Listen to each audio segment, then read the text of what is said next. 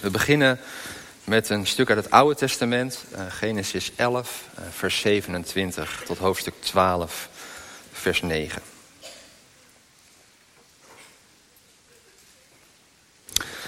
Dit is de geschiedenis van Terach en zijn nakomelingen. Terach verwekte Abram en Nagor, Nagor en Haran.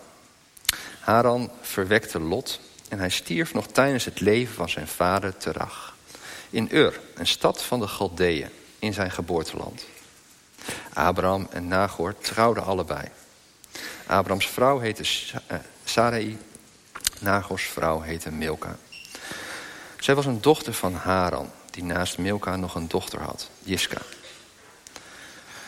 Sarai was onvruchtbaar, zij had geen kinderen.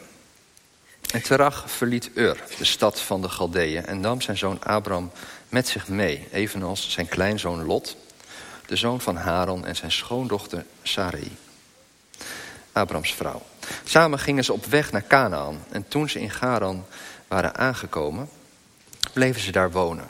Terach leefde 205 jaar en hij stierf in Garan.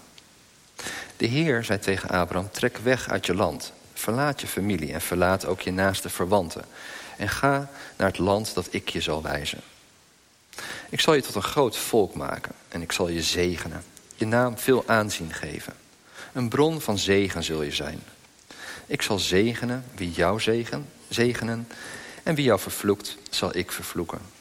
In jou zullen alle volken op aarde gezegend worden.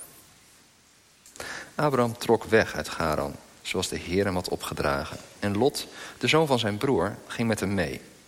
Abraham was toen 75 jaar. Hij nam zijn vrouw Sarai mee en alle bezittingen die ze hadden verworven... en de slaven en slavinnen die ze in Garan hadden verkregen. Zo gingen ze op weg naar Canaan.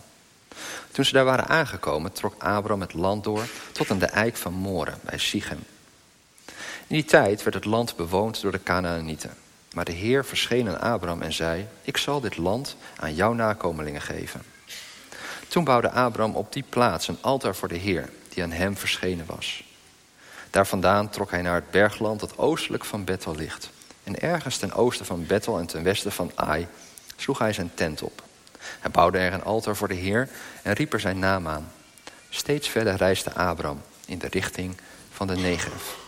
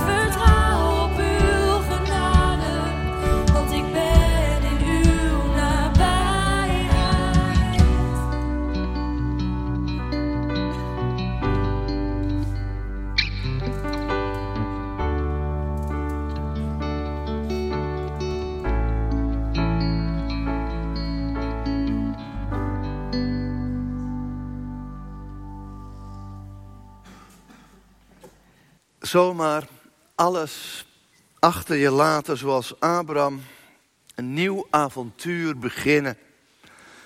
Dat is net zoiets als lopen op het water, maar Jezus zorgt dat we daar niet doorheen zakken.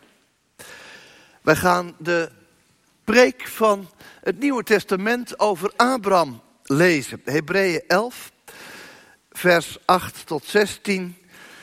En daarna een woord van Jezus over wat het betekent om hem na te volgen. Wat het je kan kosten, hoe hij ons door het leven heen wil leiden. Hebreeën 11. Door zijn geloof ging Abraham, toen hij geroepen werd, gehoorzaam op weg naar een plaats die hij als erfenis zou ontvangen.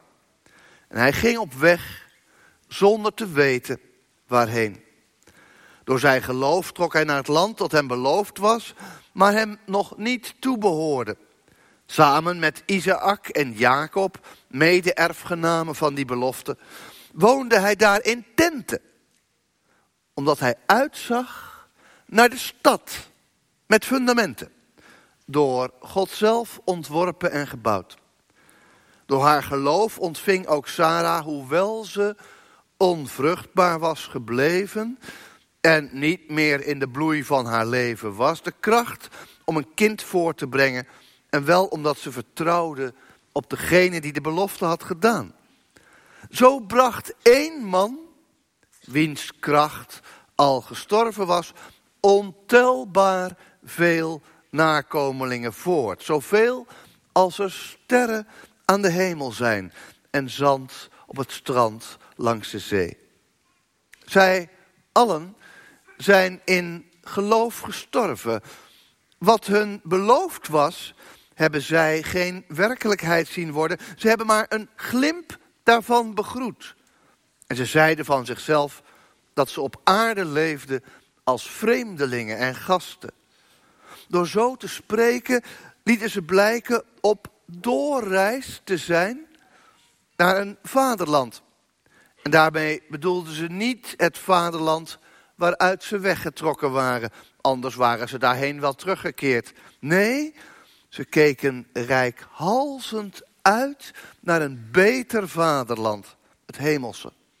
En daarom schaamt God zich er niet voor hun God genoemd te worden. En heeft hij voor hen een stad gereed gemaakt. En dan Lucas. Terwijl Jezus met zijn leerlingen zijn weg vervolgde, zei iemand tegen hem: O meester, ik zal u volgen, waarheen u ook gaat. En Jezus zei tegen hem, maar de vossen hebben holen en de vogels hebben nesten, maar de mensenzoon heeft geen plaats waar hij zijn hoofd te rusten kan leggen. En tegen een ander zei hij, volg mij. Maar die zei, heer, heer, sta me toe eerst terug te gaan om mijn vader te begraven. Jezus zei tegen hem, laat de doden hun doden begraven. Maar ga jij op weg om het koninkrijk van God te verkondigen. En weer een ander zei, ik zal u volgen, Heer, maar sta me toe dat ik eerst afscheid neem van mijn huisgenoten. Jezus zei tegen hem, wie de hand aan de ploeg slaat en achterom blijft kijken, is niet geschikt voor het koninkrijk van God. Tot zover de lezingen van vanmorgen.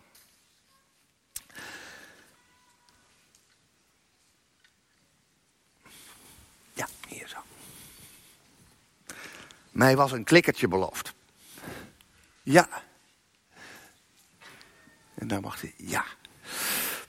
Een tijd terug, broeders en zusters, hier in Kruispunt. Een tijdje terug besprak ik met catechizanten, toen nog in Tollebeek, in de Noordoostpolder, dit verhaal van Abraham, die op Gods bevel zijn land verliet. Ah, die jongelui, die leefden zich helemaal in. In die keuze van Abraham om zijn land, om zijn familie, om zijn ouderlijk huis los te laten en op weg te gaan naar dat land van belofte. Ze vonden het wel heel erg ver gaan. Al je schepen achter je verbranden voor zo'n vaag verhaal dat God je roept, ja, voor een mooie toekomst. In belang vooral van je nageslacht. Ja, ja. En dat terwijl je op je zeventigste nog kinderloos bent. Maar vooral wat Abraham en Sarah en Lot allemaal achterlieten, vonden ze heftig. Dat nageslacht, dat, daar wisten ze nog niks van. Maar ome Nagor en tante Milga en, en, en diens zoon Betuel. En, en, in het bijzonder om hun vader Terach de rug toe te moeten keren. Ja, daar had je toch een leven lang mee opgetrokken. In de steek laten. Nou, heftig. Dat, dominee, moeten ze niet aan mij vragen. Verlaat je land? Verlaat je stam? Nee, mij niet gezien. En ze hadden zich goed ingeleefd. Ga nou eens even, net als zij, in die schoenen van Abraham staan. Ja, het was daar begonnen in Ur. Huidig Irak, bij de Perzische Golf. En de familie van Abraham gaat zijn boeltje bij elkaar pakken. En de buren verslijten ze voor gek. Godsdienstwaanzin. Ze hebben bevel gekregen van de een of andere God die gunsten belooft in een heel ver land. Nou, dat is dan de eerste keer dat die Abraham, die buurman van ons, een gunst krijgt. In Ur hechten ze nogal aan de maangodin. Die speelde een rol bij vruchtbaarheid. Nou, Abraham was een tijd niet in beeld gebleest bij de maangodin. Want die vrouw van hem, die kon maar geen dikke buik krijgen. En dan nu opeens een aparte openbaring. Nou, laat Sarah maar gaan baren. Nou, dan zullen we ook wat van die openbaring geloven. Dacht die familie van Terach nu echt dat goden iets nieuws met je zouden willen? Nou, we weten toch wel beter. Alles gaat zoals het altijd al ging. De zon komt op, de zon gaat onder. De seizoenen wisselen elkaar af. Een mens wordt geboren, krijgt kindertjes, wordt weer oud en sterft. Pas je nu maar aan aan de tredmolen van de tijd. Dan leef je het makkelijkst. Want van goden hebben we eigenlijk niks bijzonders te verwachten. Die zien ons eigenlijk alleen maar als mieren of als hun slaven. Ja, ze moeten wel ons met hun vruchtbaarheid een beetje in stand houden om hen te kunnen dienen, maar verder heb je er als mens eigenlijk niks aan. Wie heeft er ooit gehoord van een God die zijn best doet om mensen te helpen en vriendschap met ze te sluiten, zoals die dromer van een Abraham beweert? Een God die met de familie van Abraham iets op gang wil brengen dat alle mensen tot zegen zal wezen. Ah, daar is een God veel te verheven voor. Nou, onzin. Maar Terach en zijn familie vertrekken toch. Ze laten al die doemdenkers achter zich. Al die mensen die de kinderloze Abraham als een mislukkeling zien. Via de handelsroutes van die tijd komen ze van Ur in Mesopotamië, ergens dus op de grens van Irak en Iran. Ik heb een kaartje op de wand gezet. Langs de rivier de Uifraat gaan ze omhoog naar Haran in Noord-Syrië, toen ook wel Paddan Aram genoemd. Daar stoppen ze een tijd. Ja, ze konden niet rechtstreeks naar het beloofde land, want tot op de dag van vandaag, daar Saoedi-Arabië, dat is één grote woestijn. Dat is een zandbak, eh, daar kun je geen eten krijgen. Dus ze moesten via de noordelijke route en dan later naar het zuiden. Ach, daarboven in het noorden was het ook wel leuk om te wonen. Ze blijven er steken. Terach is het reizen kennelijk moe. Hij komt al op leeftijd. En dan klinkt daar opnieuw die stem van boven tot Abraham. Als je oppervlakkig de tekst leest, denk je dat Terach al overleden is. Dat wordt verteld in die zin voordat de godspraak tot Abraham komt. Maar de volgorde in zinnen is niet de volgorde in tijd. Terach is 70 als hij Abraham verwekt. Abraham is 75 als hij uit Haran vertrekt. Nou ja, dan is Terach dus 70 plus 75, dat is 145. U kunt nog rekenen, heel goed. En hij sterft op zijn 205e, zegt Genesis 11, vers 32. Dus dat is nog 60 jaar nadat Abraham al lang en breed vertrokken is. In Haran richt God zich dus niet tot de oudste, tot Terach, maar tot die onvruchtbare zoon. En die moet zijn land, zijn verwanten en zijn vaders huis verlaten. Er zijn drie kringen waar hij uit moet stappen. Dat land, nou ja, tot daar aan toe. Maar die verwanten, dat was al wat anders. Nagor, Milka, neef Betuel, hij zou ze gaan missen. Abraham was op ze gesteld. Een generatie later stuurt hij ook zijn knecht Eliezer terug naar Haran om onder die verwanten een bruid te zoeken voor zijn zoon Isaac. Dat waren toch mensen waar je op terug kon vallen. En die laatste kring, hij moest ook de veiligheid van het huis van zijn vader, het stamhoofd, verlaten. Terach betekende veiligheid. Terach gaf houvast als je knopen moest doorhakken. Bij de stam van Terach horen betekende dat andere stammen je ook met respect behandelden. Maar Abraham, Abraham hoorde een stem van God die zei: al die veiligheid loslaten. Ik ben je veiligheid. En ik geef je een andere stam, een ander nageslacht, zoveel als de sterren aan de hemel.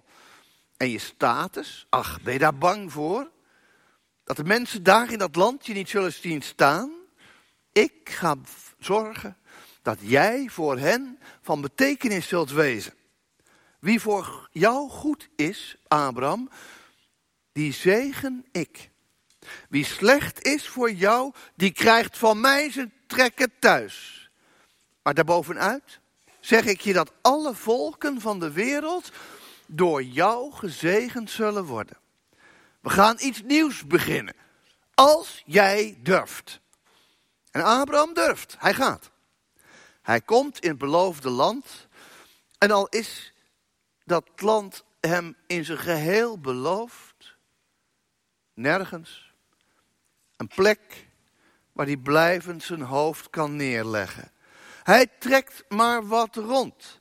Van noord naar zuid, later ook naar Egypte en weer terug.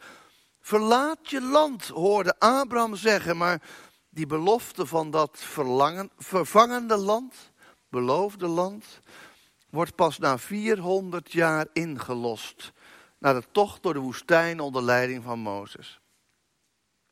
Hebreeën legt die schijnbare mislukking van de belofte aan Abraham geestelijk uit.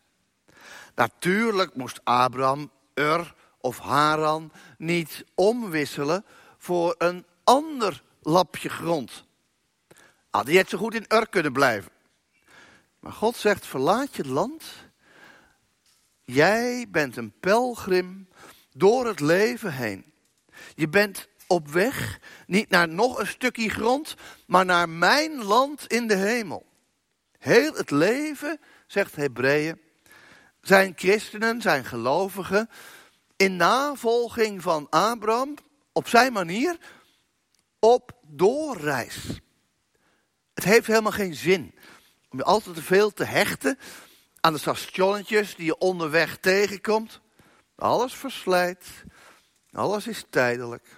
Zelfs die knuffels waar die kinderen onmiddellijk aan dachten van ja, als ik mijn huis uit moet naar een ander land, ik neem wel mijn knuffel mee. Ja, die knuffel is over 15 jaar toch echt ook tot op de draad versleten. Leef maar. Alsof je levenslang op aarde te gast bent, een vreemdeling, want je mag weten dat je bij God de Vader voor eeuwig thuis bent. In het geloof leer je zo te relativeren wat je overkomt. Leer je die pijnlijke ervaringen los te laten, maar ook goede niet te verabsoluteren.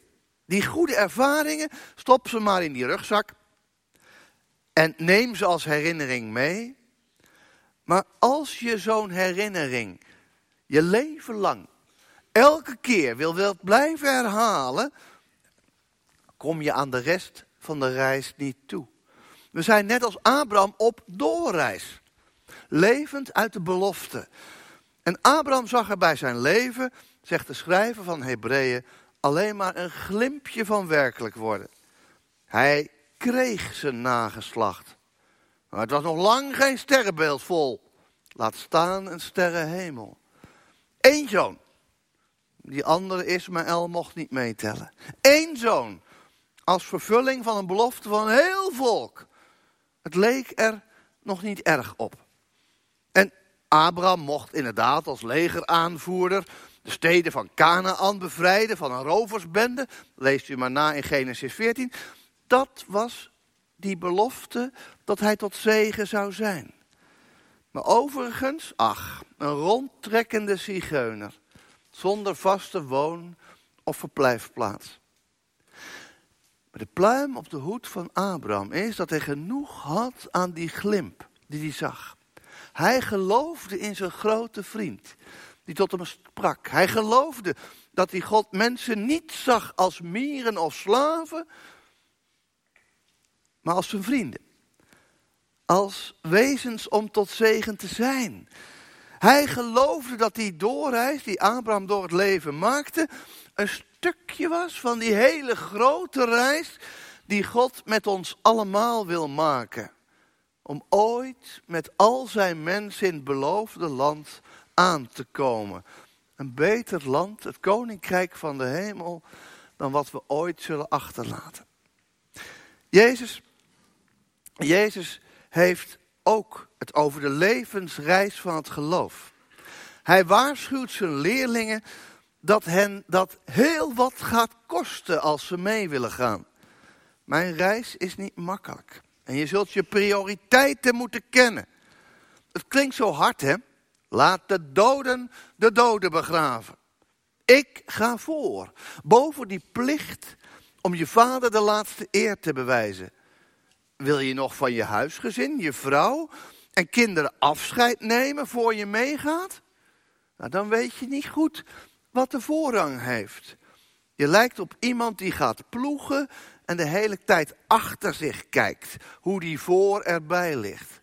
Nou, die voor, die greppel in de grond, die valt niet meer te veranderen. Maar om te voorkomen dat je met je ploeg dadelijk de sloot inrijdt, daarvoor is het nodig om vooruit te kijken. Het klinkt heel hard wat Jezus zegt. En die soep werd ook toen vast niet zo heet gegeten als hij hier in de tekst wordt opgediend. Maar de boodschap is duidelijk.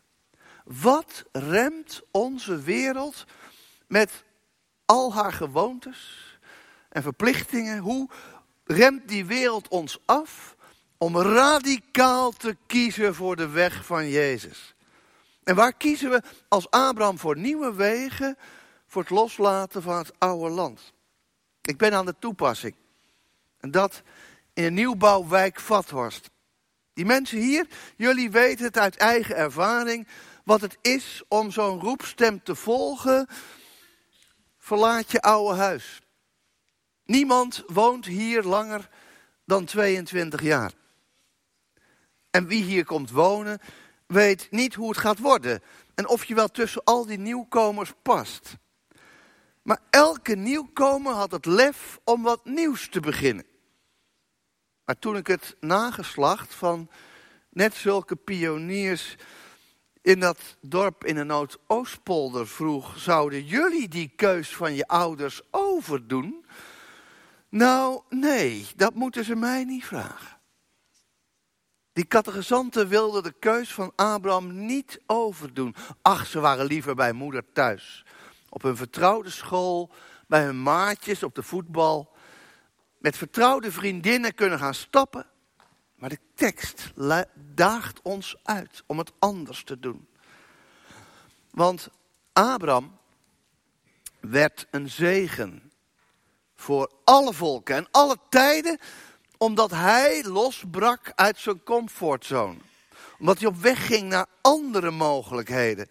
Omdat hij wist dat hij daarin niet alleen zou zijn. Dat er een stem was die hem begeleidde en de weg wees. Onze pelgrimstocht, echt, het hoeft niet altijd zo roerig te worden als die van Abraham. Als u kijkt naar zijn zoon Isaac, die bleef een leven lang rondtrekken in hetzelfde gebied. En ook dat was Gods wil. Maar die vraag, die moet ons onrustig maken. Beleef ik mijn leven als een pelgrimstocht? Ben ik op doorreis? Verwacht ik elke keer iets nieuws te zien, te beleven? Of zit ik vastgeroest in oude patronen, ideeën die mijn ouders koesterden, maar waarvoor in mijn leven geen logica is? Zit ik vast aan mijn vooroordelen? Aan wat ik altijd al dacht? Worden dat misschien wel afgoden? Ik zeg dat ik geloof in God. Maar luister ik nou echt naar Hem? Laat ik mij op weg sturen? Of brengt Hij juist mijn zwerflust tot rust? Om echt verantwoordelijkheid te nemen voor wie Hij op mijn pad brengt? Verlaat je land, broeders en zusters, kan voor ieder iets anders betekenen. Maar het gaat er telkens om waar we de meeste waarde aan toekennen. Is dat iets waarvan je in volle gemoedsrust kunt zeggen: Ja, Gods stem geeft dit mij te doen. En misschien moet je veel loslaten als je die stem wilt volgen, maar het beloofde land wacht op je. En wie waagt die wind, want Gods zegen reist met ons mee. En de Hebreeën zegt, mensen die zo kiezen om op doorreis te zijn, rijkhalzend uitzien naar die momenten dat er iets van Gods liefde in onze wereld een plekje krijgt en daaromheen kijken naar Gods toekomst. Dat zijn de mensen waarvoor God zich niet schaamt om hun God genoemd te worden. En dat kun je ook omdraaien. Dat God er dan trots op is om God van zulk soort mensen te zijn. Zoals we zoeken. Om als Abraham ons oude land te verlaten. En alles op het spel willen zetten om Gods beloofde land te vinden. Hier op aarde, straks in de hemel. Dan is er een God die dat niet alleen met liefde volgt, maar er ook trots op is. Dat Hij onze Vader mag zijn. Laten we God reden geven om trots op ons te zijn. Amen. Zullen we samen gaan bidden?